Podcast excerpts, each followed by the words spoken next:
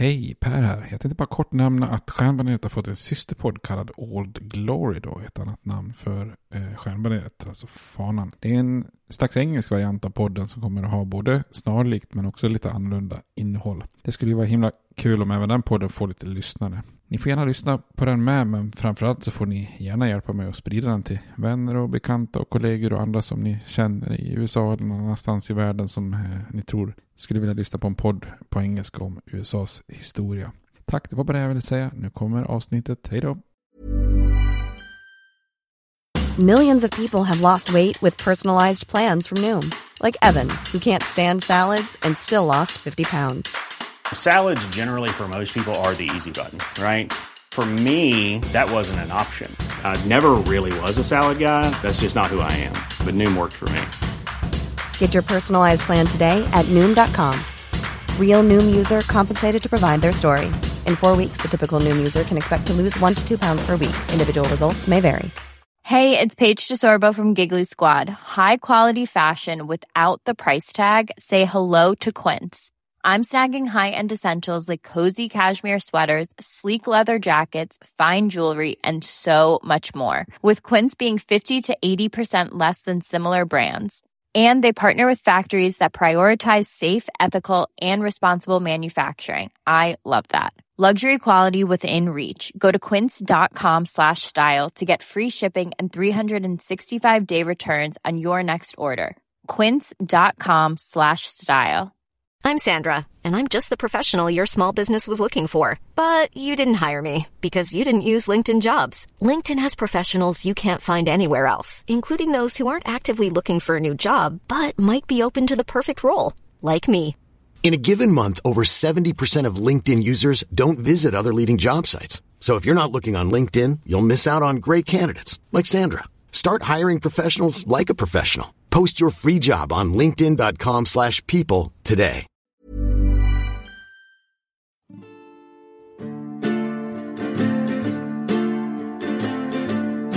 We hold these truths to be self-evident, that all men are created equal, that they are endowed by their Creator with certain unalienable rights, that among these are life, liberty, and the pursuit of happiness.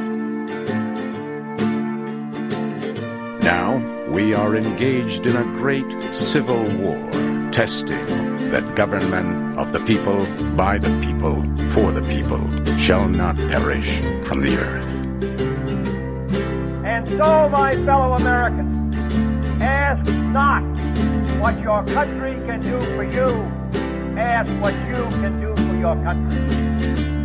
I have a dream that my four little children will one day live in a nation where they will not be judged by the color of their skin, but by the content of their character.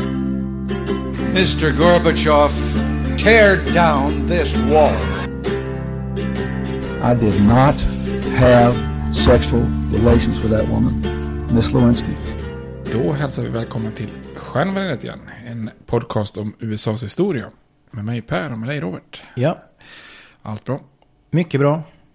Vi fortsätter vår serie om inbördeskriget.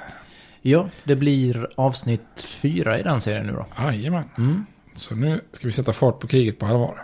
Vi är framme 62 va? Vi Ja. hade nyåret. Eh, Precis, det blir vår, eller ja, vinter, vår och sommar 1862 helt enkelt. ja. Och nu händer det grejer. Nu kommer det att hända en jädra massa grejer. Eller ja, det har ju hänt en hel del innan också. Ja, ska du ta något om det här först då? En snabb repris på 1, 2, 3 här. Ja, precis. vi kan väl säga i alla fall i förra avsnittet där. Så, Ja, det räcker kanske. Ja, då, då, då ägde ju det här slaget vid Bull Run. Det första liksom riktiga slaget som ju med, med dagens slag som vi ska prata om idag är ganska litet. Men som fick väldigt stor betydelse och som vissa trodde nästan var avgörande för kriget så att säga. Vi har pratat lite grann om hur man mobiliserar och lite krigsmål. Och sen pratade vi förra avsnittet mycket om blockaden och den här internationella aspekten av kriget. Med den här, också den här Trent-affären när två diplomater eh, vad heter det, kidnappas eller fångas in. Mm. Där, och eh, skapar en liten kris som gör att konfederationen hoppas på att få eh, erkännande från Storbritannien och kanske hjälp då i, slut, i slutet. Så vi summerade ju 1861, året 1861 förra avsnittet och då kan man väl sammanfatta det med att Jefferson Davis var rätt glad och Abraham Lincoln mindre glad. Så nu är det dags för 1862 då, när kriget verkligen, verkligen kommer igång på allvar. Mm. Men innan dess så får vi ju ha en öl. Ja, nu tror jag du får börja. Jaha, okej. Eh, ja, nu börjar mina öltips bli svagare. Jaha. Nej, men jag såg, jag såg faktiskt att eh, alltså, inbördeskriget som vi pratat om innan är ju mycket Virginia. Mm. Det är ju där kriget i öster liksom sker på ett förhållandevis begränsat geografiskt område där. Och det finns ju jättemycket slagfält och besökande med det där. Virginia är ju en bra stat att besöka eftersom den är nära huvudstaden. Och eh, det finns ju både mycket historia från det koloniala och från frihetskriget och inbördeskriget. Så där, jag tycker de flesta, jag tycker man ska ta en fyra veckors semester och bara köra runt där i Virginia. Ja, gärna. Jag hänger på. Ja. Men hur som helst så såg jag att eh, det här ganska kända ölmärket som brukar finnas på Systembolaget också som heter Ballast Point. Mm. De hade en liten filial i Daleville, Virginia. Mm. Jag vet inte om det bara var en, liksom en affär och en pub eller om det är någon produktion. Men det var en av alla orterna som fanns på deras hemsida när man gick ut där. De är från Kalifornien, tror jag, Mm. från första början så att säga. och då tänkte jag, de har ju ganska många fina öl eh, som oftast man får tag på också. Jag tänkte på den där Sculpin Ja, som finns i lite olika variationer. En, en India Pale Ale. Och sen eh, så har de ju en eh, Mocca Marlin som har kommit i någon slags jul, Mm. julölsversion. Jag tyckte den var riktigt bra för två år sedan i alla fall. Eh, Den var nog ganska god i år, i år också. Provar inte så många i, år. Men, Nej, jag hade nog bara en eller två där. det Så. är en fin porter, mycket chokladsmak. Ja. Och sen så har de ju en Suris Sour Revenge som fanns också inne ett tag. Ja, den var jättebra. Ja, Ja. jag har faktiskt inte testat den men den finns i mitt ölförråd så att jag ska testa. Ja, du har en sån hemma? Ja, Ja, grattis. ja vi, kan, vi kan ta den med något inspelningstillfälle. Ja, gärna. gärna.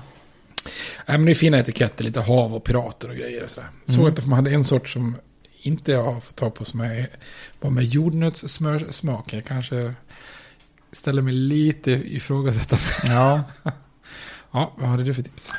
Jag vet ju att det ska bli lite om eh, Ulysses Grant, heter han va? Ja, precis. Jajamän. Mm. Nordstaternas uh, hjälte här och general är han kanske, eller? ja, Ja. och blivande president. Ja, just det, just det. Mm, jajamän. Och det finns fakt det fanns en öl som hade hans porträtt på framsidan. Ja. Eh, Från det här som vi har nämnt tidigare, Shipyard. Ja, okej. Mm. De hade en öl som hette Battleground Ale. Aha, okej. Och där har, hade man en bild på Grant Mhm. då, på framsidan. Jag tycker han är ganska, jag ska inte säga bildskön, men eh, Ja, okej. han ser ganska tuff ut alltså. Ja, jo faktiskt. skägget och det är något med ögonen där, blicken som är Ja. ganska, man kan nästan säga sådär isblick eller järnblick. Ja. Jo, han är en handlingskraftig man och det är nog många som har torkat in mycket i det utseendet också. Ja, det tror jag. Han fick nog mycket gratis Ja. med utseendet där. Det är i alla fall en, en eh, amerikansk veteöl. Vad är det för skillnad på amerikansk veteöl och andra veteöl? Om jag har Är det förstått, humle bara? Nej, om jag förstått rätt så en, en tysk veteöl till exempel så är det ju två tredjedelar vete och en tredjedel eh, kornmalt. Mm. Medan det i en amerikansk brukar man kanske köra 50-50. Mhm. Och sen så tror jag att den stora skillnaden blir av att man kör amerikansk veteöl med en vanlig amerikansk aljäst. Mm. Så den blir ju lite mindre, mindre så här skumbananer och Mm. så här fenoliska toner. Så att, eh, medan en andra veteöl har man ju oftast någon belgisk eller tysk gäst. Mm. då blir det ju väldigt mycket mer smak av gästen. Så att den blir väl lite mer snäll. Som, Ja. så tror jag i alla fall. ja. Mm. Men den går nog inte att få tag på, den som jag rekommenderar. Ja, men Shipyard finns ju. Kan bli svårt. Men Mm. ja, någon chipyard kan man få tag på. Ja. Ja, super. Ja, men du nu säger Grants skägg där. Han har ju lite, lite mer kortare skägg. Det är ju helskägg. Men Mm. Annars är det ju många generaler som... Vi får lägga ut några bilder där. Det är några som går helt bananas. De har ju så stora skägg så det är ju inte klokt. Ja. Eh. Det, det, det är nästan så att eh, de slår moderna hipsters. Ja, Ja. det ser verkligen ut som Ja. det. Mm. Jag tror du ska få lägga ut en bild på den där öletiketten också tycker jag. Ja, ska jag Ska jag visa eh, vart den finns. Mm.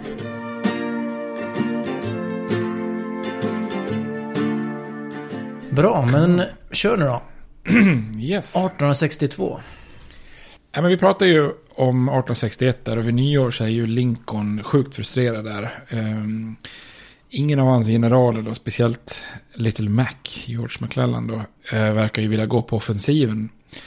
Uh, så det här går så himla långt i hans frustration att han den 27 januari utfärdar en General War Order number one.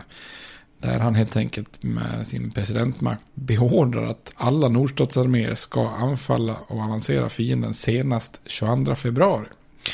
Så det går lite långt att han liksom lägger sig i så. Är det här officiellt? Vet liksom konfederationen om det här? Att nu kommer de anfall här? ja, man får ju hoppas att de håller det dolt. Jag vet ja. faktiskt inte riktigt det.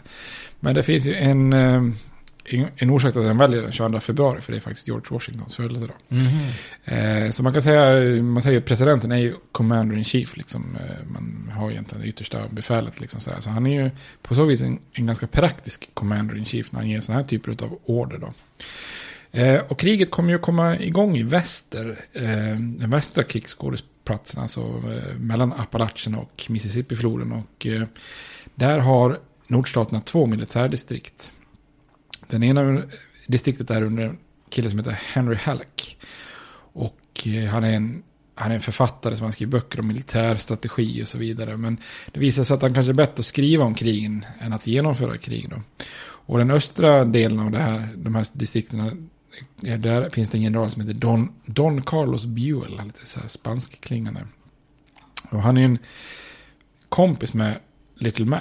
Och han är ju lik honom i mycket. För han kanske bara till och med ännu mer blekare och handlingsförlamad än vad, än vad McClellan är då. Så när Lincolns januariorder händer, eller anländer så händer det inte så det jättemycket då. Men det finns en man i väster som är ett viktigt undantag. Och det är han som du nämnde nu då, Ulysses Grant. Som är då framtida krigshjälte och eh, framtida president här. Ehm, han är ju, om vi tar lite bakgrund på Grant bara, han är ju uppväxt i eh, Ohio. Ehm, och har utbildat sig vid West Point och krigsakademin. Och han tjänstgjorde ganska framgångsrikt i Mexikokriget då, både under han, eh, Zachary Taylor och eh, under Winfield Scott. Men efter kriget så hade hans karriär dalat rejält och hans förband vart på grund av guldruschen stationerad i Kalifornien. Det har vi ju gjort ett avsnitt om, guldruschen där. Eh, men han hade inte råd då på sin kaptenslön att ta med sig familjen till Kalifornien. Utan de fick stanna kvar i Ohio. Ensam och uttråkad där borta så började han dricka rejält. Eh, så till slut så fick han välja mellan att lämna frivilligt eller att få sparken från armén för att han drack så mycket. Då. Och det här är ju en kontrovers under kriget också, huruvida han dricker eller inte. Och det finns jättemycket versioner fram och tillbaka. Det är nog mycket avundsjuka och annat. Och så där. Lincoln har faktiskt en spion som kollar att han inte dricker. Eller. Mm. Och eh, det enda man kan konstatera är att han säkert drack en del. Men det verkar ju i alla fall inte ha påverkat någon av de drabbningarna han är involverad i i alla fall. Men eh, när han lämnar armén då så testar han en jäkla massa yrken då. Bland annat i fastighetsbranschen tillsammans med en brorsa. Hans eh, farsa har någon form av läderverksamhet eh, och i läderbranschen. Men han blir inte direkt framgångsrik inom något. Och så när, han, när inbördeskriget bryter ut så tar han eh, värvning frivilligt. Och tack vare goda kontakter med en kongressledamot så får han en ganska bra officerspost i eh, väst. Då. Men man kan säga att han börjar kriget som en, ja, liksom lite grann sista chansen här. Han har inte haft någon vidare jätteframgångar i sitt liv där. Då. Men han kommer ju med tiden att uppskattas väldigt mycket av eh, Lincoln då. För han är ju en general som till skillnad från väldigt många av de andra är väldigt handlingskraftig. Han eh, klagar väldigt sällan eh, och han jobbar liksom hela tiden med de förutsättningar han har istället för att ropa efter förstärkningar och sånt där. Och hans krigsfilosofi enligt honom själv det, det var då Get at the enemy as quick as you can. Hit him as hard as you can and keep moving on. Det är liksom hans eh, mm. filosofi. Och det här visar han ju prov på då gång efter annan i, i, under kriget. Och eh, bland annat i en jättetidig liten drabbning som eh, kallas för Belmont i Kentucky. Där då anföll han en fiendeposition. Och bröt igenom där. Han erkände själv att han var sjukt. Alltså han kräktes av nervositet. Men han insåg ju också att det kanske min motståndare också gör. Liksom. Mm. Eh, han bryter igenom fiendelinjen men hans män stannar upp och firar lite för tidigt eh, segern där. Och så omringas de då. Och då vill ju hans befälskollegor, ja då får vi upp, vi får ju upp. Men Grant han lite lugnt sådär med cigarren i mungipan säger han, men har vi lyckats ta oss in så kan vi nog ta oss ut igen. Och så slås, slår de en väg ut där. Och det där säger han själv var en väldigt stor ögonöppnare för vad, att man måste liksom agera där. Då. Så när den 22 februari här då, Washingtons födelsedag infinner sig så, så borde ju alla generaler vara på offensiven då. Men det är faktiskt bara en som är det och det är Grant. Eh, för han har presenterat en plan då för Henry Halleck som är hans överordnade och eftersom han vet att Lincoln vill ha en offensiv så okej okay då säger han åt Grant du får, eh, du får sätta den här planen i verket då. Och det är nu med Grants framfart i väster som kriget kommer igång på allvar här i början av 1862. Och det är också nu som nordstaterna vinner sina första riktigt viktiga framgångar här i väster då. För Grants plan är ju en offensiv söderut i mellersta Tennessee. Nu gäller det att ta fram kartböckerna. Mm. Ja.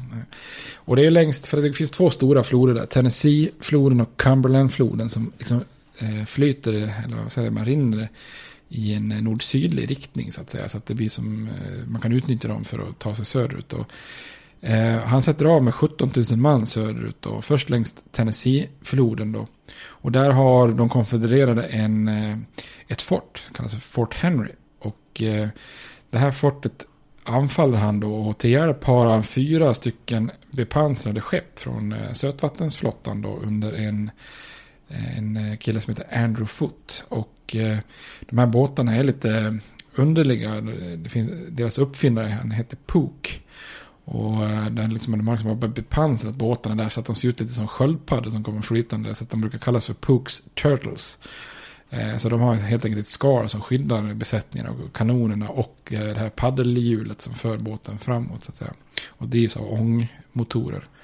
Och den 6 februari så går de här Pooks Turtles till anfall mot eh, fortet då medan Grant omringar det på landvägen. Och då tar det inte jättelång stund förrän eh, befälhavaren väljer att eh, hissa den vita flaggan då. Eh, eftersom fortet är ganska ja, i dåligt skick och sådär.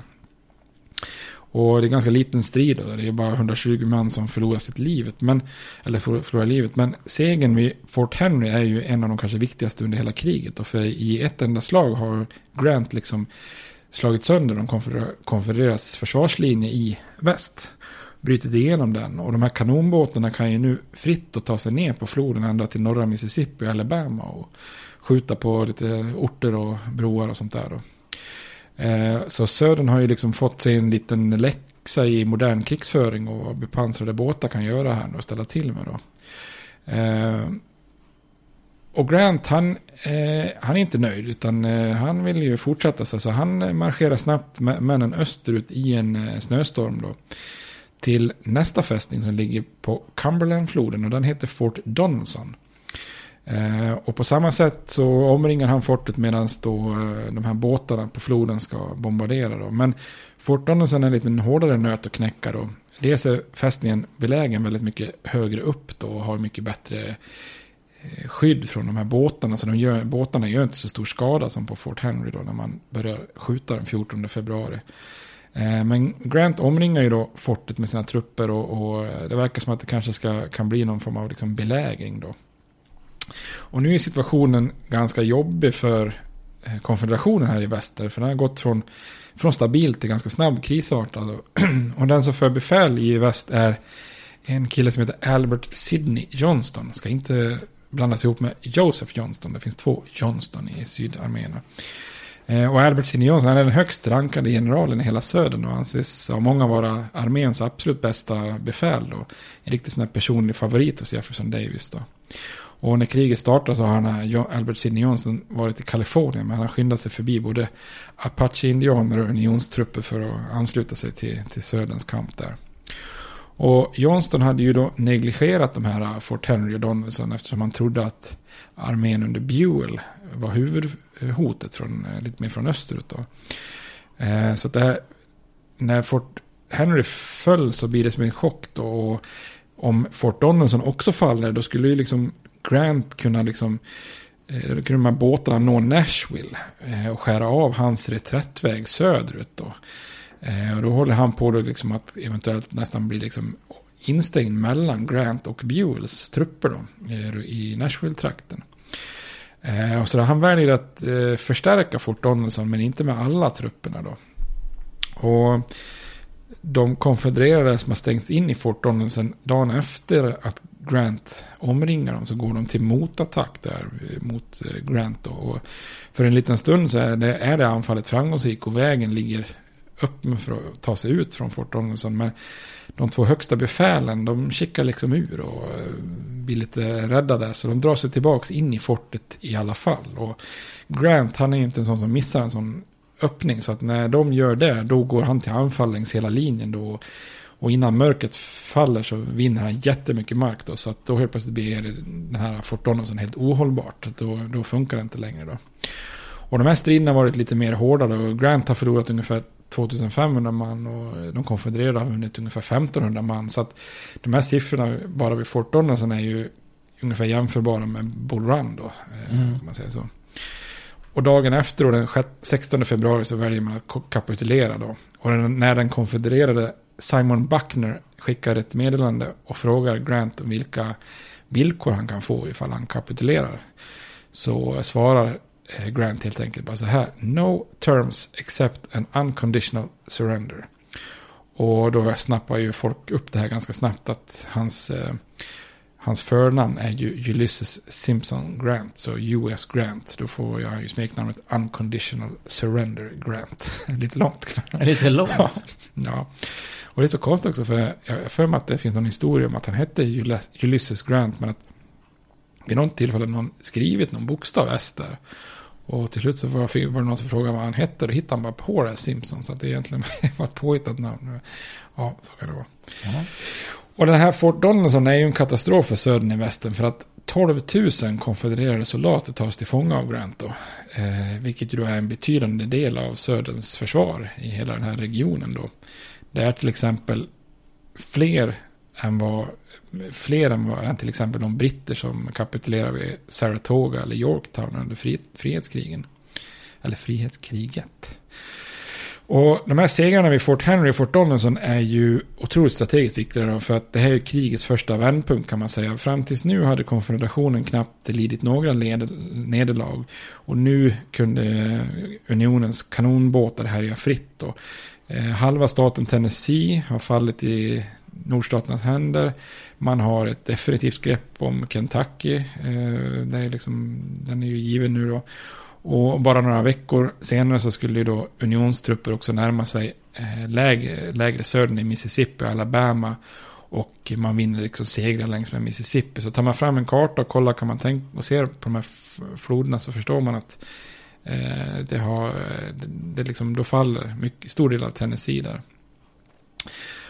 Eh, efter de här segrarna vid Fort Henry och Fort Donelson då får ju Grant order från, från han Henry Halleck att stanna upp på en liten ort som kallas för Pittsburgh Landing. Eh, och då är tanken att där ska han vänta in den här Don Carlos Buells trupper från östra Tennessee och sen en annan armé under den här som heter John Pope som har vunnit segrar längs Mississippi-floden. Då ska, de, då ska alla de här arméerna samlas till en jättearmé och så ska Halleck som har fått eh, högsta befäl av Lincoln så ska han komma och glida in där och ta befäl över hela liksom, eh, stora armén där då.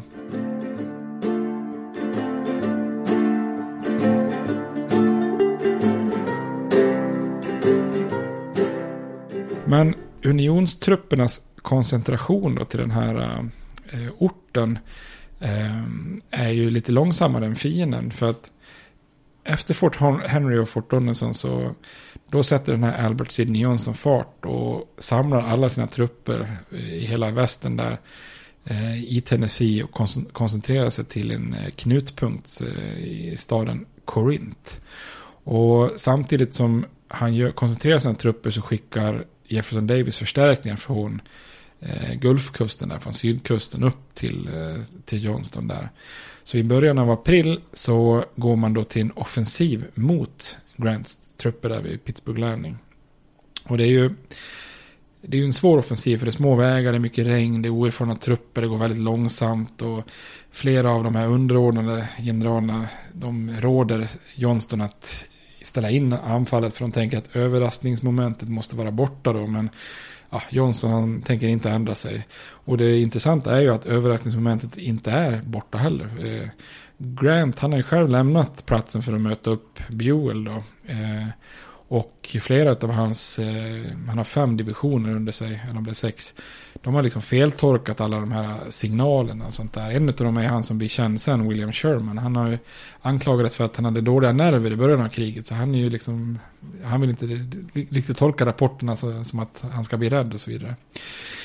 Så på morgonen den 6 april då går de konfedererade till anfall i det som kommer att bli slaget vid Shiloh. Ehm, Uppkallat då efter en liten, liten kyrka. Eh, Shiloh-kyrkan i skogen, i skogen där striderna äger rum. Eh, så att det, det kallas för slaget vid Shiloh, ibland slaget vid Pittsburgh Landing. Eh, och det är två divisioner från under Grant och under en som heter Benjamin Prentice och, och då William Sherman som sen blir känd. Eh, de blir väldigt svårt manglande redan från start och för många soldater hade knappt hunnit ut sina tält och skulle precis äta frukost och sådär. Eh, men William Sherman är ganska snabb på att börja organisera motståndet där och en efter en så blir Grants divisioner engagerade i försvaret då. Eh, så att de saktar ner men pressas fortfarande tillbaka i skogen då. Eh, och en av ehm, Grants divisioner under en, kille som heter Lou Wallace befinner sig en bit bort och har ja, gått så pass vilse så han hinner inte fram till slagfältet under dagen. Då. Och det kommer Grant aldrig riktigt att förlåta honom då. Eh, och Lou Wallace det är ju han som sen skriver Ben Hur faktiskt. Mm. Mm. Eh, och en av de unionsdivisioner som vägrar ge vika eh, vid en plats som snabbt får namnet Hornets Nest eftersom det skjuts så mycket skott där.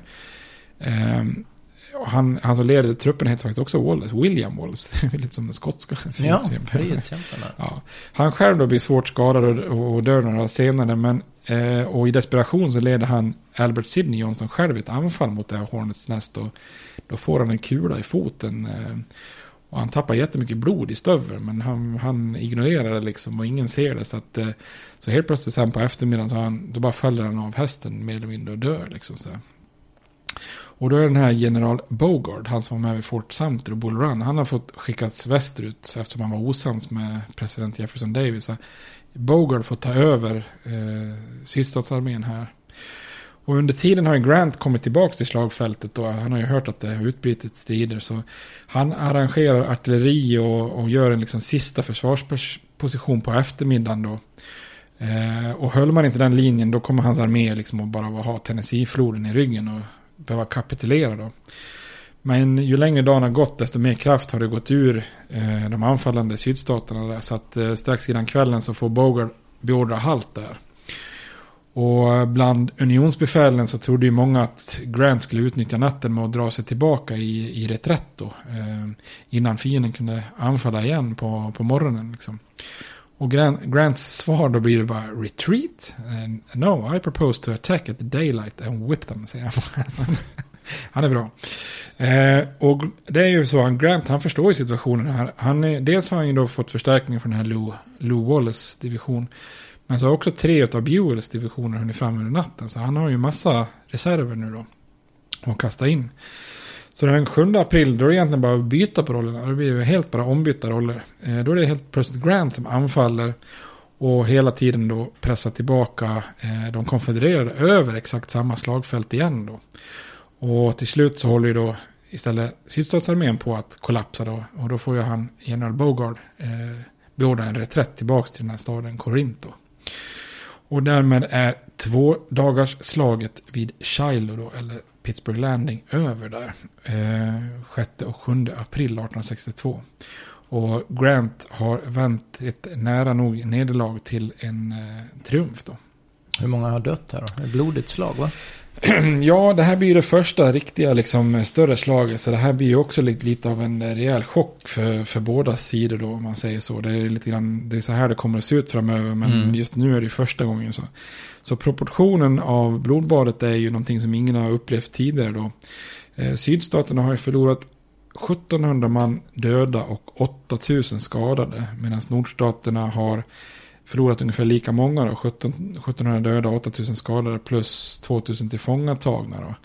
Så totalt har båda sidor under två dagar förlorat 27 000 man. Varav 3 400 är dödade rakt av. Då, så att säga. Så att det... Nu sa du 27 000. 2700 eller vad? Ja, precis. Ja. Mm, mm. Och där, där liksom, nej, nej, om man räknar eh, skadade, Skadade också, och ja. eh, Mm. döda så har man, eh, och, tillfångatagna så är Ja. de totala förlusterna 27 000. Men det de som har dödats rakt av är 3 400. Mm. Och börjar man jämföra det så är det ungefär fyra gånger så mycket som Bull Run. Mm. Eh, och, och faktiskt, det är mer döda på det här slagfältet då än hela kriget 1812 och Mexikokriget tillsammans. Så att eh, det ger ju en viss proportion för hur blodigt det är då.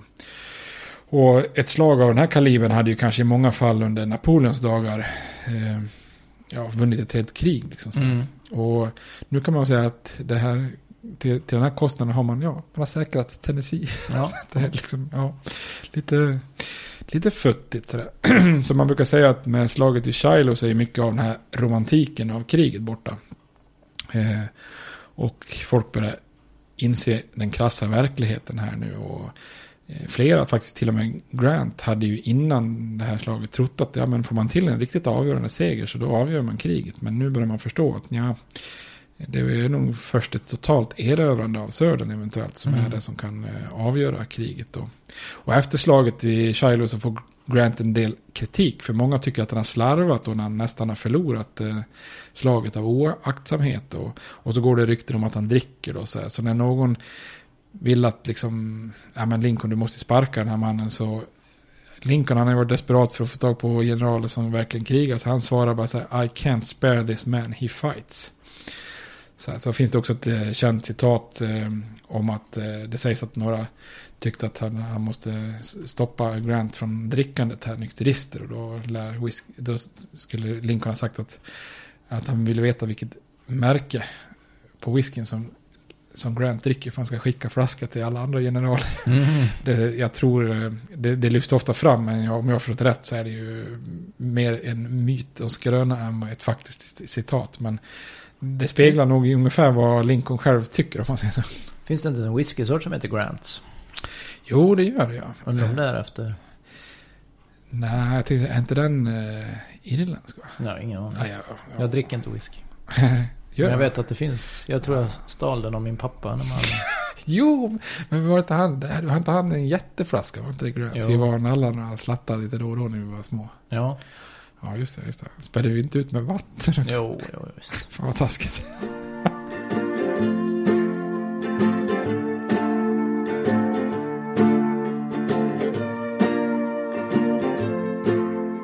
På övriga platser då?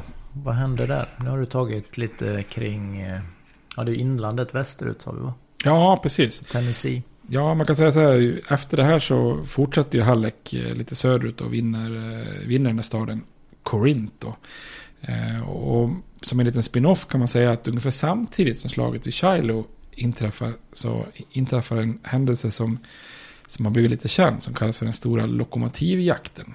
Vi pratade lite om den innan eh, Mm. vi spelade in här. Det är ju ett litet äventyr som kan vara värt att nämna då. Det är egentligen en tågräd av nordstaterna mot eh, Tennessee och norra Georgia. Det, det är ett antal frivilliga soldater som leds av en scout vid namn John Andrew. Och de tar sig söderut till en eh, tågstation strax norr om Atlanta i Georgia. Och så kapar de ett tåg som heter The General.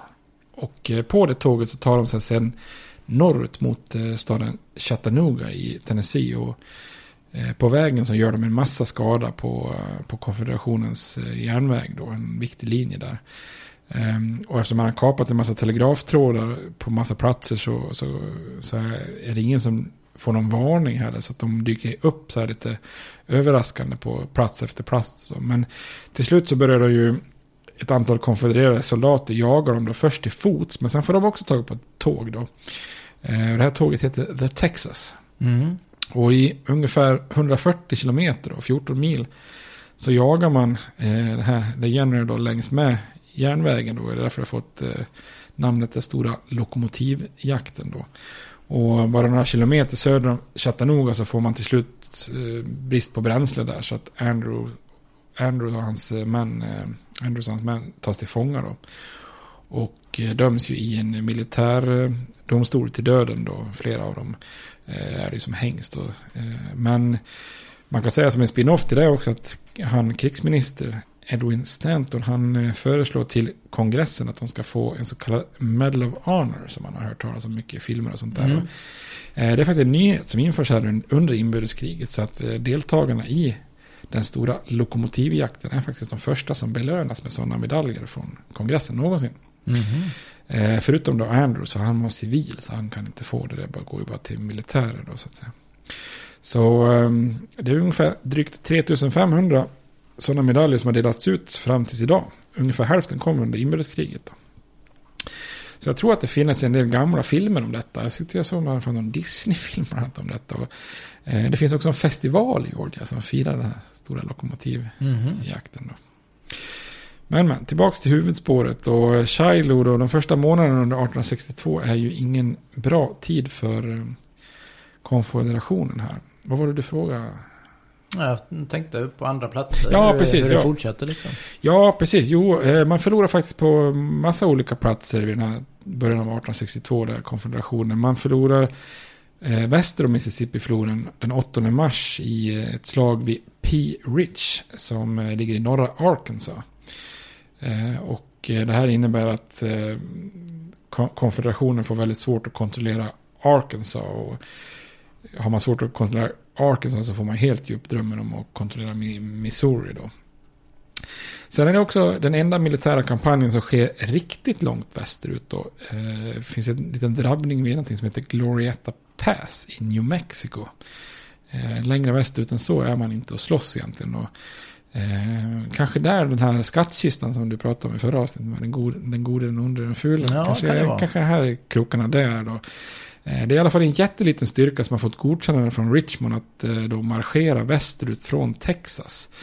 Eh, för att kanske då kunna ge konfederationen kontroll över viktiga såna här gruv och guldregioner där i sydväst. Och, och kanske då om man är riktigt optimistisk säkra någon hamn på västkusten i Kalifornien då. Men ja, det är ju väldigt optimistiskt och det är klart, hade, de, hade Södern vunnit kriget hade det kanske varit viktigt att, att ha det som en förhandlingsbricka. Men eh, nu förlorar man det här slaget vid Glorieta Pass och får, får, eh, får ge sig då. Sen vinner också nordstaterna eh, viktiga segrar längs eh, Atlantkusten. Mycket längs med North Carolinas kuster. Och det är gemensamma insatser mellan flottan och armén. Och då är det en befälhavare där inom armén som heter Ambrose Burnside. Som vi kommer att komma tillbaka till eh, framöver här. Det är en, en man från Rhode Island med en enorm mustasch och eh, stora, stora, stora, stora polisonger. Eh, och eh, jag tror vi faktiskt nämnde detta i första avsnittet någonsin. Ja, jag känner igen honom. Det är hans namn som ger det här, vad heter det, anagramma när man byter sid, si- sida. Så hans namn, Burnside, blir ju Sideburns, alltså Mm. polisonger då. Ett ord för. Däremot, han måste vi lägga ut en bild på, det är fascinerande utseende. Han har sådana jäkla poliser. Eh, och den främsta segern under Burnsides expedition det är en drabbning vid Roanoke Island. Eh, längs med North Carolinas kust. Det var faktiskt De har där. också pratat om. Ja. Roanoke. Det var ju där de eh, anlade en av de absolut första kolonierna redan 1580. Ja, Det var den ja. här kolonin som försvann. Kommer du ihåg det? Det fanns, fanns bara något eh, enstaka ord kvar. Det brukar kallas för The Lost Colony. Ja, just det. Eh, det var innan Virginia grundades. Eh, så att eh, där, där ser man att man kommer tillbaka till, till gamla platser. Som, Mm. ja. Eh, och kollar man på kartan så är ju North Carolinas eh, kuststräcka fylld av en massa sådana här långsmala sandöar. Liksom, eller dyner som, som bildar en massa inre vikar där. Så att eh, när man då vinner de här strategiska platserna längs med kusten där så stänger man ju liksom inne all trafik från North Carolinas hamnar där. Så det gör ju att blockaden blir väldigt effektiv där. Sen den 23 april 1862 vinner USAs flotta en väldigt viktig seger när amiral David Farragut forcerar förbi de två formidabla forten eh, genom att utnyttja ångmotorer med sin flotta eh, nere vid New Orleans. Eh, alltså själva nedre delen av Mississippi-floden så lyckas han ta sig förbi de fort som egentligen ska skydda där. Och då tar han ju sig upp till New Orleans som då faller. Och det är ju sydstaternas störst, i särklass största stad, New Orleans. Så det är ju en eh, svår förlust för eh, sydstaterna då. Eh, så Farragut sätter i land lite trupper och det är han Benjamin Butler, han som eh, räddade Washington där som Mm. jag såg i första avsnittet. Eh, Han får kontrollera staden och ockupera den då. Han är ju ganska hård mot befolkningen så han blir en av de mest avskydda generalerna. Brukar fick smeknamnet Beast Butler eller eh, Spoons Butler för han tog så mycket silver, Mm. silverbestick och sånt eh, från befolkningen. Men håller unionen den här staden hela kriget nu? Ja. Så New Orleans är liksom förlorad? Jajamän, Ja. ja. förlorade för Men- alltid. Men de måste ha satt i land ganska mycket trupper då, eller vad? Ja, jo, det, det gör de. Det är en Ja. ganska stor ockupa- ockupation där. Anfaller man härifrån sen också då, söderifrån? Ja, eller man bara tar- att man håller staden liksom? Nej, man tar sig faktiskt upp och försöker, som vi kommer att komma tillbaka till, göra lite försök där. Men man får ge sig, ge sig för det finns en väldigt stark fästning längs Mississippifloden som heter Vicksburg. Mm. Kommer att komma tillbaka till. Så att Farragut är upp där och nosar lite på den fästningen. Men sen får han dra sig tillbaka där. Men annars eh, mest ockupation av New Orleans där. Ja. Så Burnsides segrar då ihop med Port Royal och eh, New Orleans. Och så där, det, gör ju då att i april 1862 så har konfederationen egentligen bara främst två städer eh, öppna på hamn, hamn eh, på Atlantkusten då. Det är Charleston, South Carolina och Wilmington, North Carolina. Och Eh, på Gulfkusten då så, så, eh, så har man i princip främst mobil Alabama som är öppet då. Så att tumskruvarna börjar ju redan våren 1862 spännas i den här eh, blockaden då.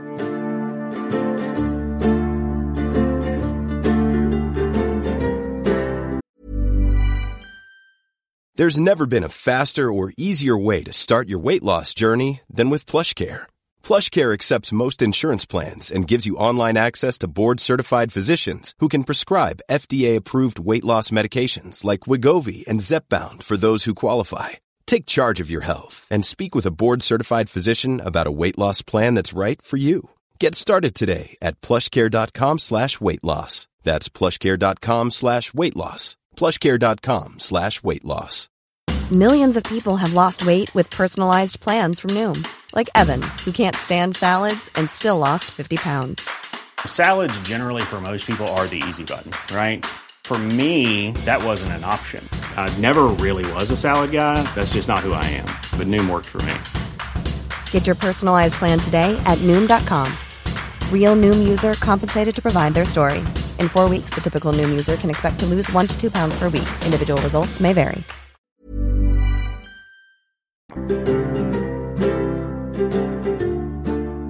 Och det är då situationen blir lite desperat för Södern. Och det är då man lanserar sitt nya topphemliga, toppmoderna vapen då i form av pansarbåten. Så att eh, då blir det lite dags för det här slaget vid Hampton Roads mellan Monitor och Merrimack. Här har man inspirerats först av de här, äh, vad kallar de? Sköldpaddorna?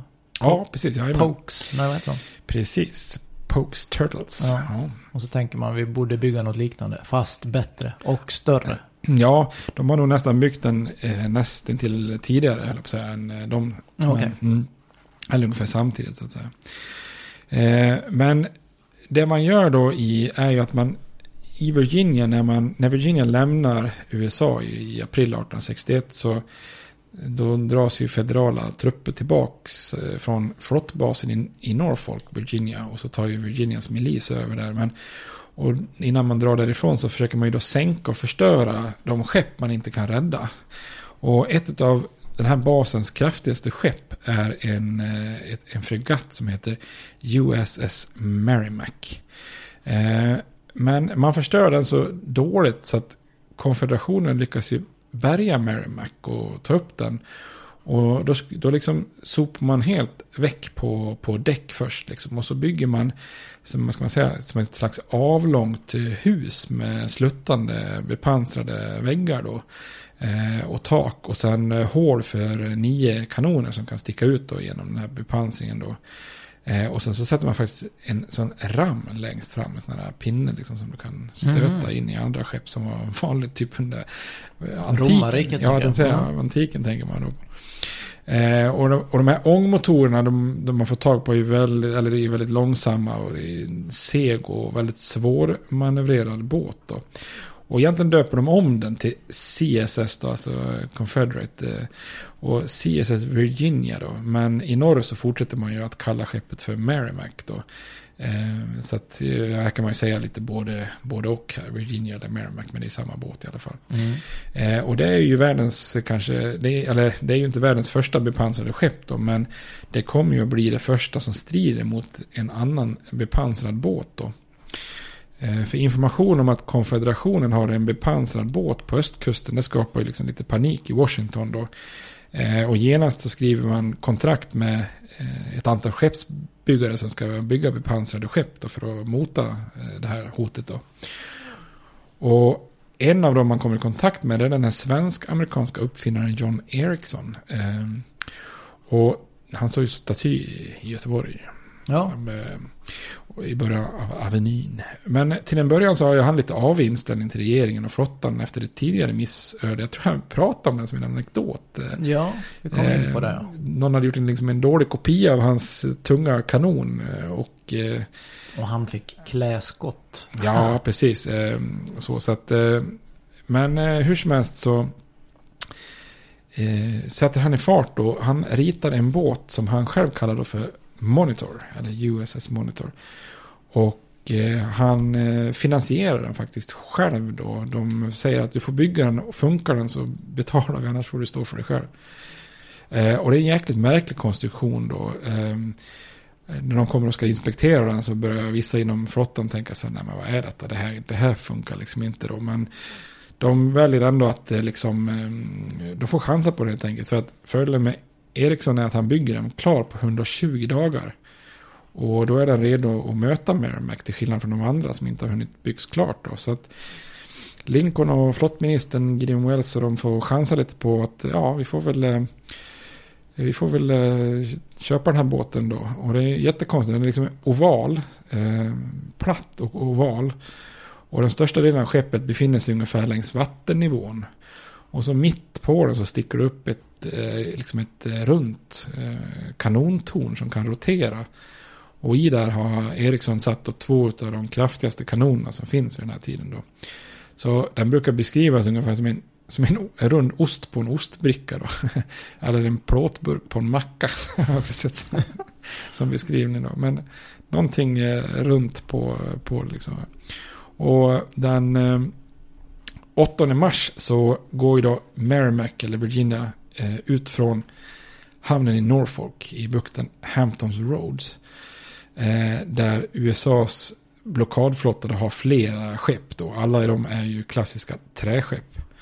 Eh, och ett par av dem är ju de förnämsta skeppen som man har till, fram till den här dagen då. Eh, men Virginia glider ut där och det första de gör är att ramma då eh, en båt som heter Cumberland. Eh, och den här rammen lossnar från Virginia men Cumberland sjunker och det här. Och alla skott som de skjuter mot, mot den här Virginia bara studsar ju bort på, på, på, på pansringen. Så det bara studsar liksom.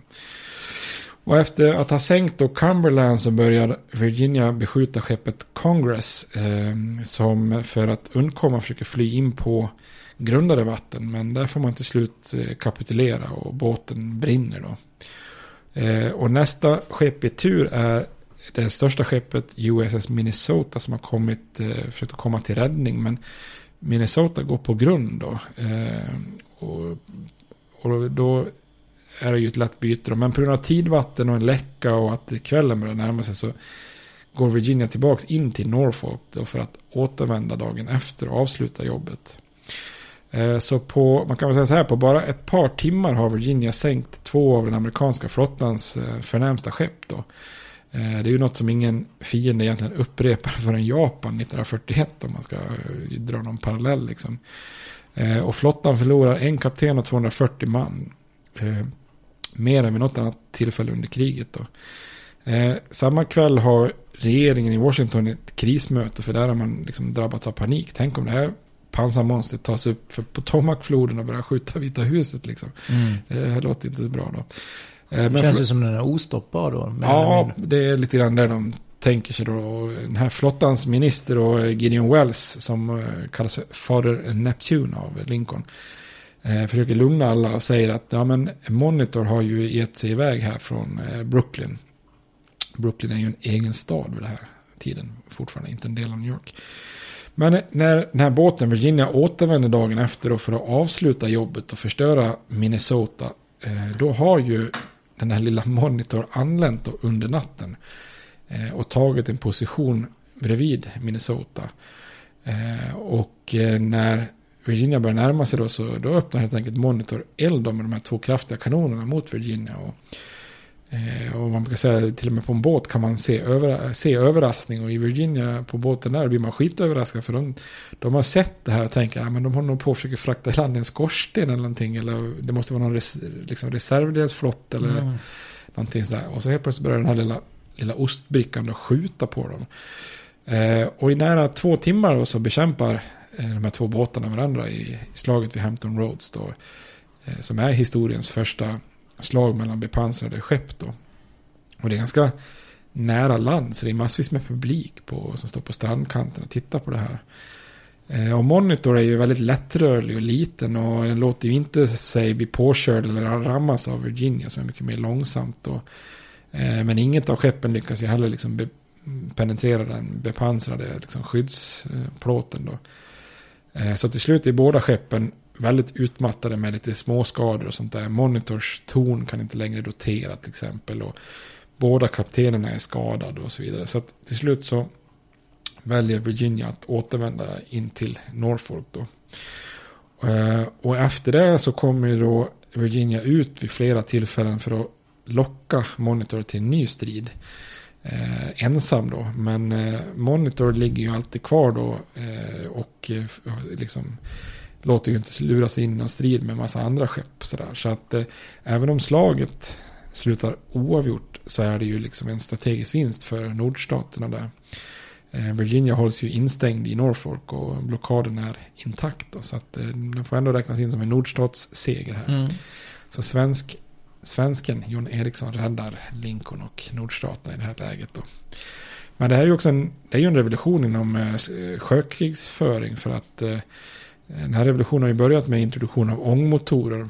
Eh, så nu är plötsligt säger de här gamla ståtliga träskeppens tid med höga master, det är över helt enkelt. Och i London så konstaterar man, London Times då, att innan Hamptons Roads hade den brittiska flottan 150 krigsskepp. Dagen efter hade man två, de första experimentella pansarbåtarna, deras eh, mm. sätt att se på det då. Mm.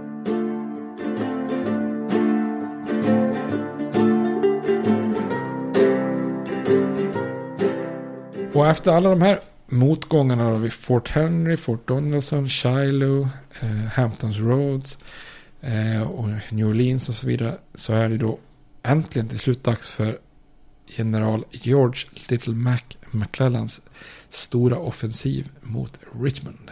Nu vågar han då. Nu ska jag attackera. Precis, nu så, eh, så eh, är han äntligen redo. Men det sitter väldigt, väldigt hårt inne. Då. Eh, Lincoln är ju super frustrerad. Han håller på och tycker att McClellan driver han till vansinne. Man börjar ifrågasätta om han är liksom en dold konfedererad som liksom bara drar ut på det då. När McClellan fortfarande ligger sjuk den 10 januari så kallar Lincoln till ett möte i Vita huset med några i regeringen och några av, av Little Macs eh, generaler då. Och då säger han bland annat så här Lincoln. If McClellan is not going to use the army anytime soon Eh, I would like to borrow it. och eh, när McClellan får höra det här så skyndar han ju ur sjuksängen och till slut så avslutar han, eller avslöjar han sin plan då, för han har inte ens sagt någonting om vad hans plan är, så det är ju tokfrustrerat där då. Och tanken är då en, en ganska ambitiös amfibieexpedition som ska landa armén söder då, om eh, fienden Joseph, Joseph Johnstons sydstatsarmé. Och så ska man inta en position mellan fiendens huvudarmé och eh, huvudstaden Richmond. Alltså utnyttja flottans överlägsenhet där och liksom flytta armén snabbt längs kusten. Då. Eh, och Lincoln, till slut så går han ju med på den här planen men samtidigt så är han ju väldigt oroad för att om, om McClellan är mellan fienden och Richmond så är ju även fienden mellan McClellan och Washington så att säga. Mm. Ja, det liksom blir ju som två brickor liksom. Eh, på spelpjäs då. Eh, och då kräver han ju ett löfte från McLennan att du får, göra, du får göra det här men Washington måste vara säkert. Han vill liksom inte utsätta det igen för det som var i början av kriget. Då. Och det här leder ju lite grann till konflikter för Lincoln tänker lite mer som Grant gör i väster. Att det kanske är fiendens armé snarare än platser som är liksom målet. Men så tänker inte riktigt McClellan då. Eh, och i mars när McClellan fortfarande inte har inlett operationen då tar Lincoln ifrån McClellan titeln överbefälhavare. Och han vill att McClellan ska fokusera på offensiven i Virginia. Och då blir ju Little Mac helt vansinnig. Det finns brev till hans fru där han skriver att Lincoln är en gorilla. De var inte jättebra relation kan man säga. Då. Eh, och McClellan är lite rädd faktiskt för den här Merrimack, Virginia, alltså båten där. Men när har neutraliserat det hotet så då börjar ju McClellan att förflytta sina 100, sin 100 000 man starka Potomac-armé. Eh, och då förflyttar den den till en halvö öster om Richmond. Och den här halvön brukar heta, den heter helt enkelt The Peninsula. Så det blir lite konstigt, man brukar säga Peninsula halvön, men Peninsula betyder ju halvön. Så mm. det blir mm. liksom halvö, halvön liksom. Ja. Och Lincoln har ju då uppmanat McClellan att slå till snabbt om den här planen ska lyckas. Men snabbhet är ju verkligen inte McClellans eh, kärnkompetens om man säger så. Eh, så en liten, liten styrka uppehåller honom i flera veckor vid, eh, vid Yorktown längst ut på den här halvön ungefär. Eh, det är ju där George Washington vann sin avgörande seger i frihetskriget 1781. Och det här ger ju Joseph Johnston tid att skynda söderut med sin armé och positionera sig mellan Richmond och McClellan då. Men McClellan har ju ändå ett väldigt bra slagläge för Rich, eh, han är nära Richmond, alltså strax öster om stan. Han är numerärt överlägsen, men problemet är ju att han tror att fienden är mer än dubbelt så många som honom. Så att därför fortsätter han att ta det försiktigt då. Och han får jättedåliga underrättelser av en man som heter Alan Pinkerton. Han är grundare en berömd detektivbyrå senare, Pinkertons detektivbyrå. Eh, och han blir på något vis någon slags chef för någon underrättelseorganisation. Och, eh, McClellans egna fantasi är ju väldigt lätt påverkad. Så att eh, McClellan tror ju gång på gång att han är numerärt underlägsen. Då. Eh, och gång på gång så skriver han till Washington och kräver att fler trupper ska skickas söderut. Och speciellt en armékår under George McDowell, alltså han som förlorade slaget i Bull Run. Han, han har befälet över en armékår. Eh, och McClellan säger, ja men bara få ner dem så ska jag gå till anfall. Men Lincoln han är orolig, liksom, ja, men då, då kommer ju Washingtons försvar att försvagas då. Och det som gör Lincoln orolig, det är ju eh, en annan hjälte från Bull Run, eh, Thomas Stonewall Jackson som vi pratar om.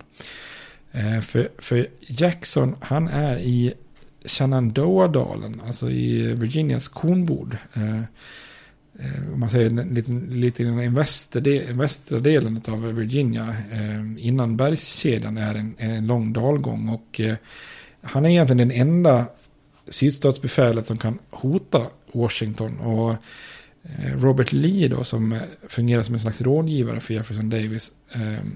Han sätter fart på Jackson och Jackson anfaller den 23 mars med 3500 man så anfaller han i styrka vid Kernstown i eh, den här Shenandoah-dalen. Inte så himla långt ifrån Washington. Eh, och han är kraftigt underlägsen och tvingas dra sig tillbaka. Men i norr så blir man skitnervös. Va? Nej, han måste ha fler män, annars skulle han inte ha vågat anfalla här. Då. Så en, eh, en taktisk förlust, förlust för Södern blir liksom en strategisk vinst. För att Lincoln, han säger så här, nej, jag kan inte skicka McDowells armékår söderut till McClellan. Utan det är nog bättre att de jagar efter den här Stonewall Jackson istället liksom för att hålla Washington safe. Och Kernstown, det slaget är faktiskt starten på Stonewall Jacksons eh, berömda Shenandoah-kampanjen. Det är en av de mest framgångsrika militära delarna av eh, inbördeskriget där. Och han är ju en jäkligt udda kille den här Thomas eh, Stonewall Jackson. Alltså en riktigt udda fågel. Eh, det är han som är så fruktansvärt religiös. Mm. Så, jag tänkte på den här filmen, Gods and Generals. Mm. Eh, han kommer ju från en väldigt enkel bakgrund jämfört med många andra generaler i Virginia. Och blev föräldralös ganska tidigt. Då, men genom en del så här inflytelserika män så fick han chansen att gå på den här krigsakademin vid West Point. Eh, och där fick han ju kämpa lite hårdare än andra som kom från mer lärda miljöer. Då. Han gör karriär under Mexikokriget men tar avsked från armén på grund av konflikter. Då. Och att han hamnar i konflikter är inte konstigt för det gör han ju även under inbördeskriget. För han är, han är tydligen, han beskrivs som en person som är helt utan humor. Eh, han är tystlåten, excentrisk och väldigt formell. Och när han jobbar efter armén som lärare på Virginia Military Institute så var han eh, väldigt illa omtyckt eftersom hans undervisning var så jäkla svår att begripa. Då. Så han har öknamnet Old Tom Fool. det är hans eh, Eh, då, öknamn. Han är, han är djupt religiös då. En fanatiker så enligt många av hans kollegor då. Eh, och alla hans framgångar tillskriver han Gud och Yankee-fienden kallar han för djävulen. Så att han lägger religiös aspekt på det här. Och han har ganska underliga vanor också. Så han går på en väldigt udda diet där han suger på citroner varje dag. Och han vägrar äta peppar eftersom han tyckte att det värkte i vänster ben när man åt peppar. Och så här. Och lite konstiga, konstiga saker för sig då. Är det han som porträtteras mest i Gods and Generals? Ja, precis. Det är han som, jag kommer inte ihåg vad den skådisen heter, men han är ju, ja, det... Vi kommer att återkomma till den. Ja. Det är nämligen inte dagens, eller det här avsnittets film, men framöver här Ja. så kommer vi tillbaka till honom då. Härligt. Han är ju med ett tag till kan man säga också. Mm. Eh, så vid inbördeskriget så är det naturligt för honom att ta värvning för sitt Virginia då. Och han, eh, med den här bakgrunden så kräver han ju väldigt strikt disciplin av sina män och han driver dem väldigt hårt. Men hans framgångar gör honom också populär då. Eh, och efter den här insatsen vid Bull Run som ger honom det här smeknamnet Bull- eller Stonewall så blir han ju Söderns liksom första hjälte då. Och eftersom han är dålig på att kommunicera och svår att samarbeta så hamnar han ju oftast i konflikter med de andra generalerna. Men som tur är för Södern då så lyckas han och eh, Robert Lee ha väldigt bra relationer och liksom lätt för att förstå varandra. Och, och eh, när Lee liksom ger en ganska lös order till Jackson så är han ganska bra på att genomföra den här. Så de blir riktigt radarpar kan man säga då. Och Jacksons strategi militärt, det var, han sa så här om sin egen strategi. Always mystify, mislead and surprise the enemy. Och nu i den här Shenandoah-dalen så sätter han verkligen det här eh, mottot i, eh, i verket då. Och den här kampanjen som han gör i Shenandoah-dalen är ett riktigt eh, mästerverk då. Och Lee förstår ju att Jackson kanske kan göra mer skada där än att ta honom till Richmond. Så han, han väljer att istället förstärka Jackson med en division under en kille som heter Richard Jewell som också kommer att komma tillbaka till mycket då. Eh, en av de främsta generalerna i söder. Och de funkar också ganska bra ihop för han är också lite excentrisk som Jackson. En slags evig ungkarl. Han läspar åt en konstig diet han också. Och de som ser han tycker att han rör sig lite så här med huvudet eh, på konstigt sätt. Och han har väldigt krokig näsa. Han ser lite rolig ut på fotografier. Så många tycker han ser ut som en fågel så att säga. Eh, utseendemässigt. Men han och Jackson är en bra kombo då.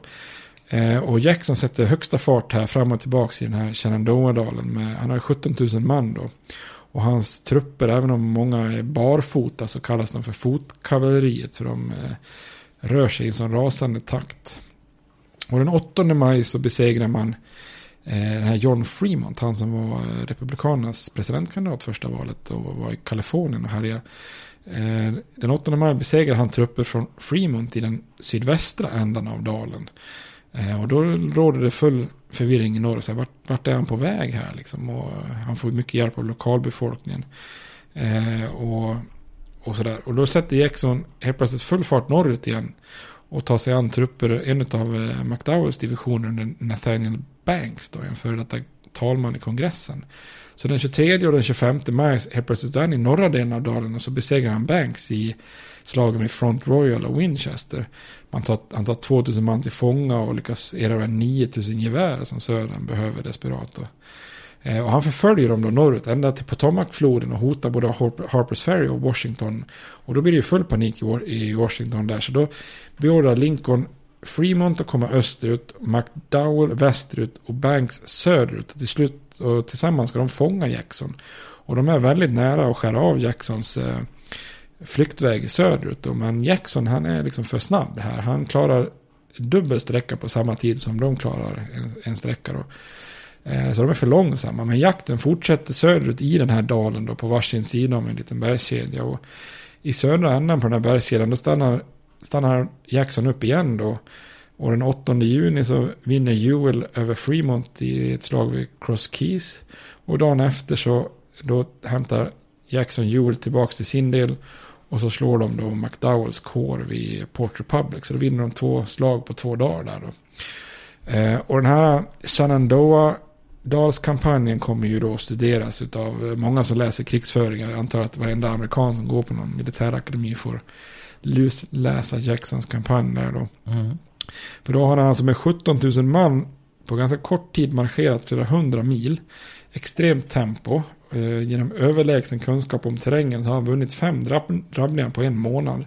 Mot tre olika unionsarméer som totalt består av 55 000 man. Så att det är ju ingen dålig insats då. Och vid alla de här drabbningarna utom en har Jackson haft fler män på fältet då. Så det är ju lite av ett taktiskt mästerverk då. Mm.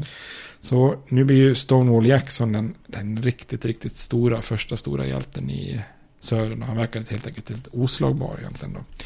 Och den strategiska betydelsen är ju att Lincoln blir jätterädd för Washingtons säkerhet. Och det gör ju att han då inte skickar några som helst förstärkningar till McDowell, som, eller McClellan då, som står inför de här avgörande drabbningarna utanför Richmond. Då. Mm. Eh, och samtidigt så hinner Jackson själv ner och förstärka. Så att eh, McClellan får inga förstärkningar medan då Södern förstärker med Jackson där då.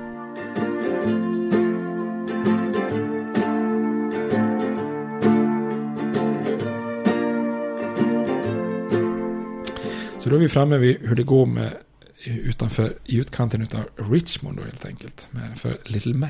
Mm.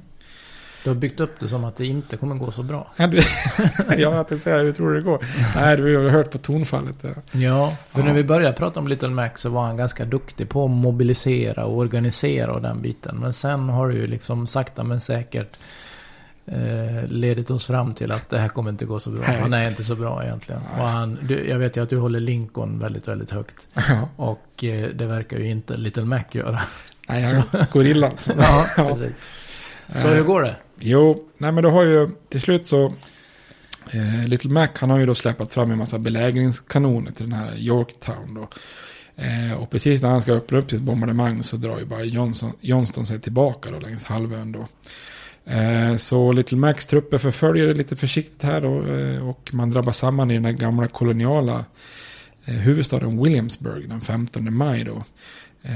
Men det blir ju väldigt förvirrade strider och sådär så att det blir liksom inte så mycket av det här. Problemet för Little Mac är ju att militär framgång innebär att man måste ta lite risker och det verkar han helt oförmögen av. Så Lincoln, så Abraham Gorillan Lincoln skriver i, i ett uppmuntrande brev och påminner Little Mac om eh, i, i slutordet att liksom du, ja, jag tror på dig liksom och det blir bra det här, but you must act, säger han, mm. sista meningen liksom. Eh, McClellan är en sån där, vad heter det, när man skjuter upp allting hela tiden, pro, pro, prokrast, prokrastinerare, vad heter det? Pro, prokrastinerare, Ja, ja, det finns ord för det. Eh, hur som helst, Johnstons reträtt blottar ju faktiskt den här Norfolk där Merrimack finns. Och eh, McClellan gör ingenting åt det här. Så att, och då inträffar en liten rolig grej för Lincoln och krigsministern eh, Edwin Stanton. De eh, följer faktiskt med en militär ångbåt, ångbåt från Washington. Och eh, leder trupper bakom fronten som intar Norfolk. Eh, så att de konfererar för att sänka den här båten, Merrimack, och förstöra den. Eh, Så det är en ganska simpel manöver, det är ingen jättestor grej då så att säga. Men det finns ju ingen sittande president någonsin som uh, liksom har kommit så nära att föra befäl i fält då så att säga. Inte ens Washington när han slår ner whiskyupproret är ju så operativ i fält. Liksom. Nej. Eh, så Virginia förstörs där då. Som kuriosa kan man säga att den här ursprungliga Monitor. Den eh, sjunker i en storm också när den är ute på havet och kör. Så att, eh, men sen kommer Nordstaterna att bygga fler sådana här monitorer. Det är ju ett begrepp. Mm. Monitorer blir ju själva båttypen då som Monitor var först. Men i mitten av maj då så har Johnston med 55 000 man retirerat inför McClellans dryga 100 000. Eh, så, så långt att eh, man från nordsidan kan se utkanten av eh, Richmond då. Och då är det lite intressant att göra en, liksom en ögonblicksbild här och nu i, i liksom maj 1862 då. Eh, då ser det liksom ganska blekt ut för konfederationen att överleva här. För i väst har liksom hela Mississippi-dalen och Tennessee fallit i fiendens händer. Och nu står det 100 000 fiendesoldater så nära Richmond att de kan liksom höra kyrkklockorna ringa i staden då. Eh, och Davis, han eh, gillar inte att Joseph Johnson drar sig tillbaka hela tiden. Så han säger att du måste liksom slå till nu så att säga. Eh, huvudstaden får inte falla utan ett eh, desperat slag här. Så att den 31 maj anfaller Johnston i slaget vid Seven Pines eller Fair Oaks som det också kallas. En jätteförvirrad drabbning. Eh, och den, det kommer egentligen ingenting ur den här striden annat än att det faktiskt är så att Johnston själv blir allvarligt skadad. Och då har inte Jefferson Davis någon, eh, liksom någon annan att kasta in riktigt förutom den legendariska Robert E. Lee då.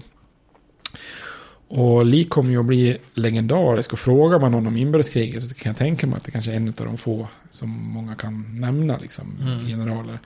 Eh, men man ska komma ihåg att han där och då hade ett bedrövligt facit i kriget. För han, var ju jätteskicklig under Mexikokriget. Liksom. Eh, men han har, han har först misslyckats i västra Virginia. Där fick han smeknamnet Evacuating Lee. Och sen skickade de ner honom till Carolinas kust. Eh, men där förlorade han ju, liksom, där tappade de ju mot Burnsides trupper. Och där har han sett, sett till att, få, att soldaterna gräver så mycket. Så där fick han faktiskt smeknamnet King of Spades. Eh, så att eh, där, så Lee står inte egentligen så högt i kurs här när han tar över armén då. Hans, eh, om man tittar lite på Lees bakgrund, alltså hans pappa var ju den berömda Henry Lighthorse Harry Lee.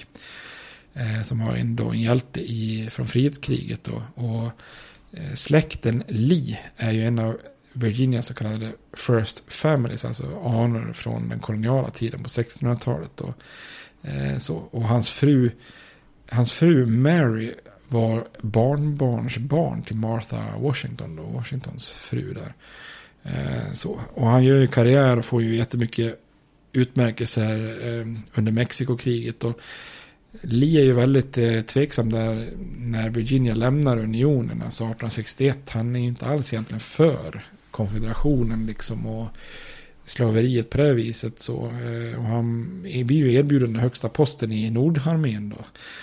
Eh, men han väljer ändå att eh, lämna armén och gå med Virginia då. Eh, för att han, han känner att jag kan liksom inte ta till vapen mot min egen hemstat. Så att det är lite mer motvilligt han, han gör det här.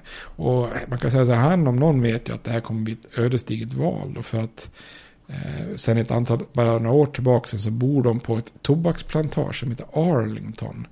Eh, som hans fru Mary har ärvt av sin far. Och det är alltså Arlington i dagens Washington, alltså precis på andra sidan Potomacfloden där vid huvudstaden. Eh, som numera är då omgjort till en eh, berömd militärkyrkogård. Den, det är ju där man ser mycket filmer och begravningar med vita kors överallt. Liksom så.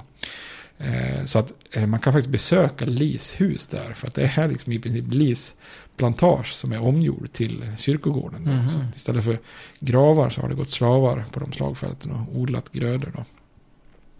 Jag var ju där och besökte en gång, eh, eller när jag var där i Washington. Och då gick jag runt, det var så fridfullt, så här, tyst, så här, du vet, gravplatsen. Sen var det ju en begravning då, som jag inte hörde bakom en kulle. Och då avfyrar de ju vapen. Mm. Så här eh, skjuter de ju då salut liksom med gevär för att...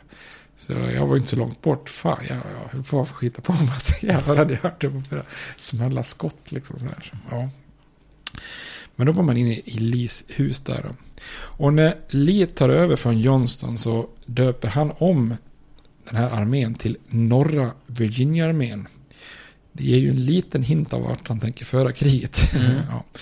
Uh, och i slutet av juni så är han beredd att slå till mot uh, Little Macs armé som i snigelfart och har avancerat till utkanten av Richmond. Och Lees plan är ju djärv då. McClellan har en väldigt stor armékår norr om floden. Eh, Chickahominy-floden då. För att ha kontakt med en kustbas. Och Lee tänker då ta huvuddelen av armén förstärkt med Stonewall Jackson från Shenandoah-dalen. Och slå till mot den här isolerade stora armékåren. Medan då en liten, liten bråkdel av armén uppehåller McClellan precis söder om floden. Precis framför Richmond då. Eh, och Lee hade ju väldigt god kännedom om fiendens positioner tack vare kavalleriet som leds av eh, en 29-årig ung man där. Han kallas för Jeb Stewart. Jeb är egentligen förkortning av hans tre förnamn. Han heter James Ewell Brown Stewart.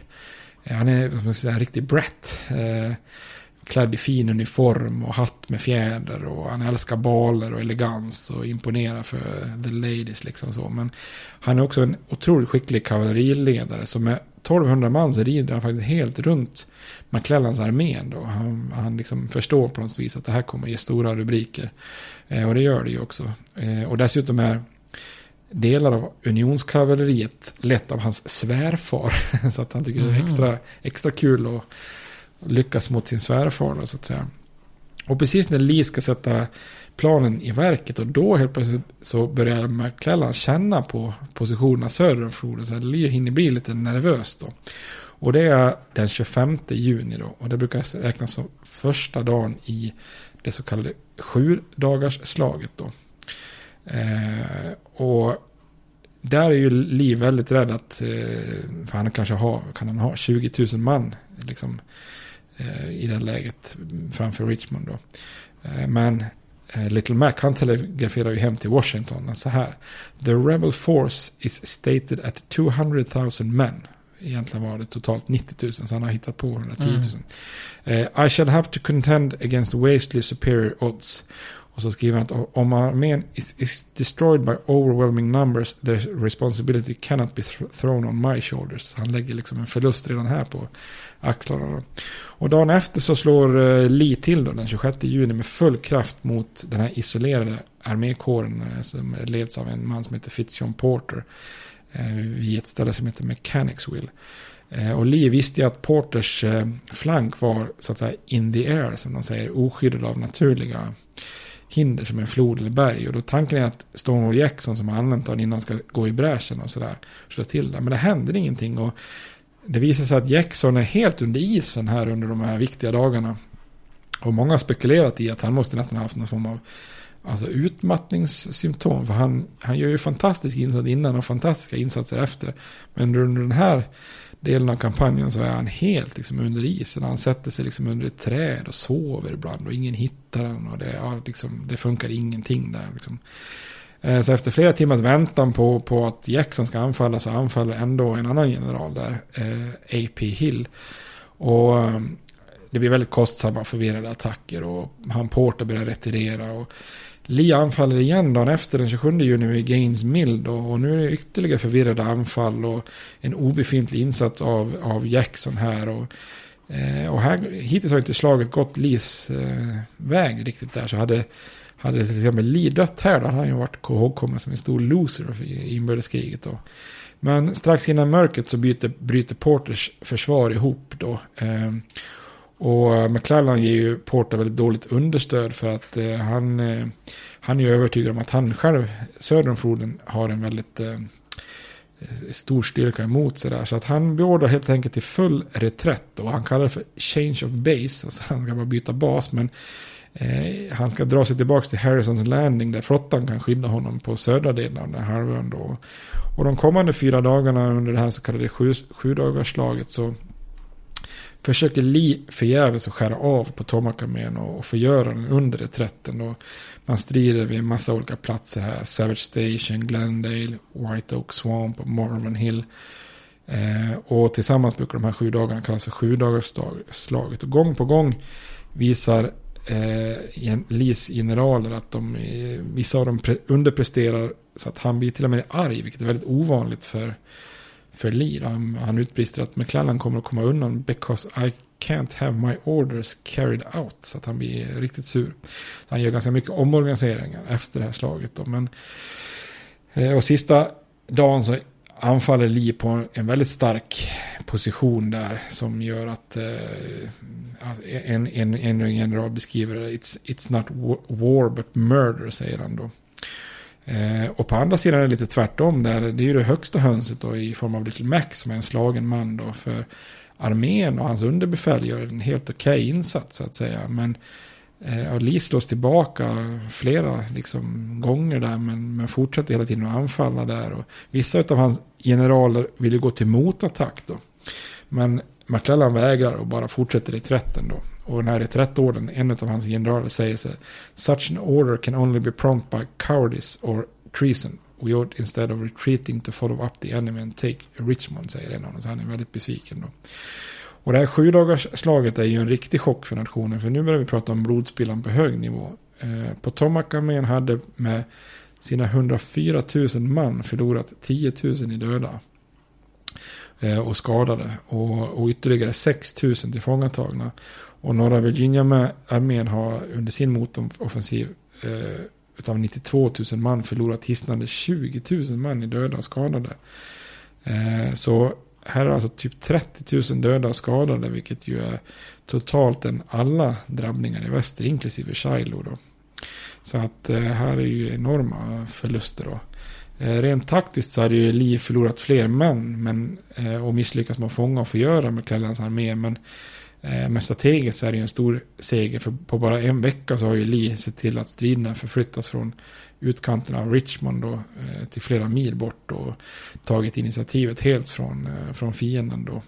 Och McClellan skyller ju helt på Lincoln och regeringen snarare än sin egen insats. Så mitt under det här sjudagarslaget så telegraferar han en rapport som är oerhört anklagande. Han, han skriver så här. I have lost this battle because my force was too small. Eh, och den sista meningen är extra bitter. Liksom, då han skriver så här. If I save this army now I tell you plainly that I owe no thanks to you or to any other persons in Washington. You have done your best to sacrifice this army. Eh, och det här är ju ett väldigt vanligt citat. Men man ska komma ihåg att telegrafoperatören som tog, skulle skicka det här meddelandet, han var så chockad så han, han tog inte med de två sista raderna. Han mm. själv censurerade meddelandet. Hade Lincoln vetat att han, att han skrev det här så hade han säkert fått sparken omedelbart. Mm. Men, eh, ja. Eh, men istället så skriver Lincoln tillbaka att ja, men kanske förlusten är ett pris de får betala för att Lee inte är utanför Washington helt enkelt. Så då har den här stora offensiven mot Richmond gått i stå och eh, kriget har kommit igång på riktigt, riktigt allvar. Mm. Mm. Och vi är framme då sommaren 62. Precis. Ja. Och där tänkte vi avsluta. Yes. Den här delen. Vad var vi uppe i? Vad är det för nummer nu igen? Fyra? Eh, fyra. Ja. Det är fyra.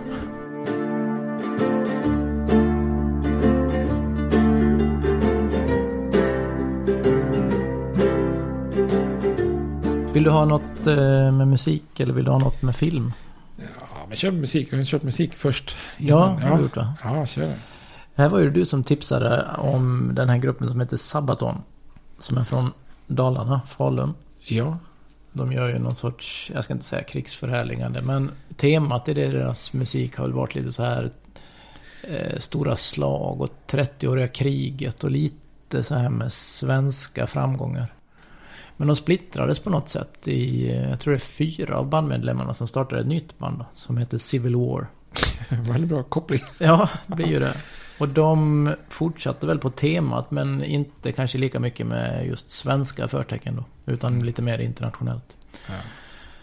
Och eh, de hade väl en del eh, passande namn. Men jag tog det eftersom det här avsnittet eh, hade vi ju med båten. Den bepansrade USSS Monitor. Och ja, de har en låt som heter då USSS Monitor.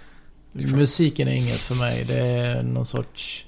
Ja, det är hårdrock tror jag det räknas som. Men det, det känns... Jag har knappt hört. Men det... Nej, jag ska säga. Jag tycker det är lite plastigt. Industrijord.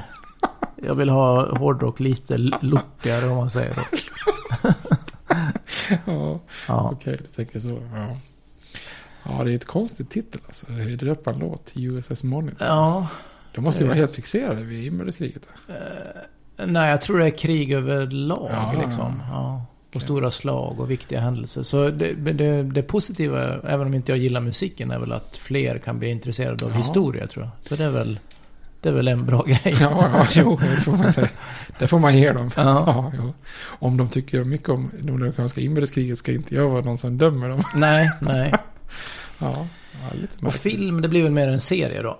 Det är ju det vi har pratat om, Nord och Syd. Som man egentligen kan eh, säga är en serie med tre säsonger skulle man väl säga nu för tiden. Men då, gjorde man väl inte serier på det sättet. Men eh, det första heter Nord och Syd. Sen döper man säsong två till just Nord och Syd 2 då. Och det är ju en miniserie. Det kan ses som en film. En lång film, en mastodontfilm då. Men den är uppdelad. Och om Nord och Syd 1, eller det första, är tiden före kriget.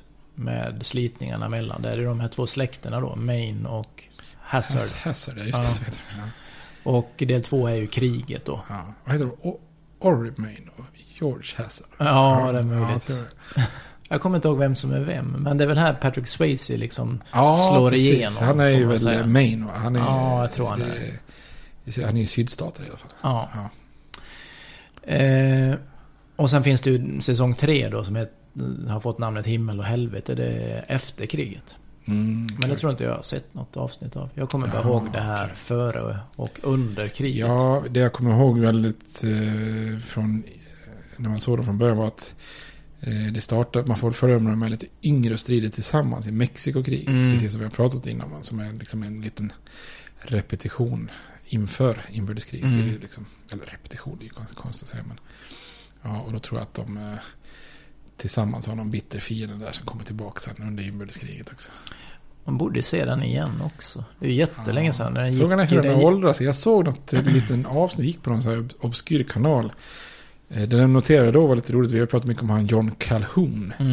Den här slaveriförespråkaren. Han tror jag liksom var hemma på middag hos den här sydfamiljen. Det skulle nog föreställa honom i alla fall, Ja. tror jag. Eh, Sådär, ja. Mm. Nej, man borde se lite igen kanske. Ja, jag tror jag, ja. Jag kommer inte ihåg vilka slag det är som eh, skildras. Och sådär. Jag vet att Bull Run skildras där Ja. civila blir uppblandade med flyende soldater och sånt där. Så jag har för mig att det är, någon, det är något drama kring det här med blockadbrytare och smuggling Mhm. också. Men eh, ja, det är diffust. Ja, vi Ja, får det kolla upp det. Men vi, Frågan om den har åldrats väl då? ja, det vet jag inte. Nej, kanske kika på det. Min känsla är att den har det. Den är ändå... Ja, ja. Vi får kika på en avsnitt ihop kanske. ja Vi precis. rekommenderar lyssnarna att titta lite på den. Ja. Återkomma med feedback. Är det något att ha? Ja, Jag precis, tror det. Vad jag, vad jag kommer ihåg så var den väldigt bra i alla fall. Det kanske är någon som har den bandad på Ja. VHS. ja. Ja, Ja, men det, det var väl en av mina inkörsportar till inbördeskriget. Ja, det måste det vara, va? Ja, jag tror det. Eller varit förstärkt i alla fall. Ja, Även de här uh, blårockarna vi pratade om. ja Som- precis. Men tecknade Ja, ja. de hade ju... eh, Måste ju vara en av böckerna som handlade om det här sjöslaget då. Med Ja, precis. Jo, det? det var det. De hamnade väl på den där båten. En av båtarna. Ja, precis. Jag kommer inte ihåg vilken båt. Nej, jag fick för mig att de var på Ma- Merrimack. Ja. Ja, det var något missförstånd. Ja. De, hamnade, de hamnade lite här och där i de där serierna. Ja. Det var ganska roligt. Jag kommer inte Ja. ihåg vad de hette. Jag vet inte om de hette, Butch eller vad fan var det? Ja, jag tror det. Nej, det får vi också kolla upp. Tecknad serie. Ja, det var faktiskt ganska roligt. Eh, Jag, jag såg, det var inte så länge sedan jag såg, jag brukar kolla ibland när det är så här serietidningsstånd Mm. På så marknader och sånt där. Då kan man hitta Kan man det? blårockarna fortfarande. Ja, det hade jag slagit till på direkt. det är svindyrt också kanske. Är det det? Ja, jag tror det blir liksom så här, eh, någon slags grej. Ungefär som vinylskivor kanske. Ja, jag har sökt på dem på nätet men då finns det aldrig någonting. Nej, det jag. inte det. Nej. Nej. Ja, okej. Ja, så man vill ha en komplett samling. Ja, jag tror att det är ganska många så här äh, kända, kända grejer från inbördeskriget. Ja, det tror Även jag om det är också. lite påhittat och lite tillskruvat och sånt där. Andersonville, fängelse där. De Ja. härjar i också. Så där. Flykten Precis. från Andersonville heter det. De klär ut sig. Ja. Jag tror det. ja, men det kan vi rekommendera också. Ja, det gör vi. Yes, yes. Men då säger vi tack för idag. Tack. Hej. Hej. States like these and their terrorist allies constitute an axis of evil. And if the hippies and the yippies and the disruptors of the systems that Washington and Lincoln as presidents brought forth in this country will shut up and work within our free system of government, I will lower my voice.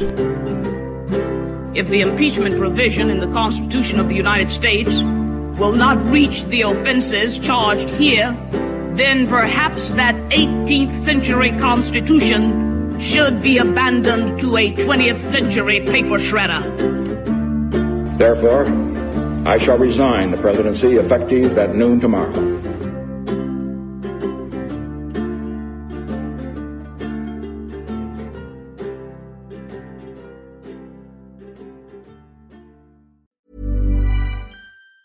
Hey, it's Danny Pellegrino from Everything Iconic.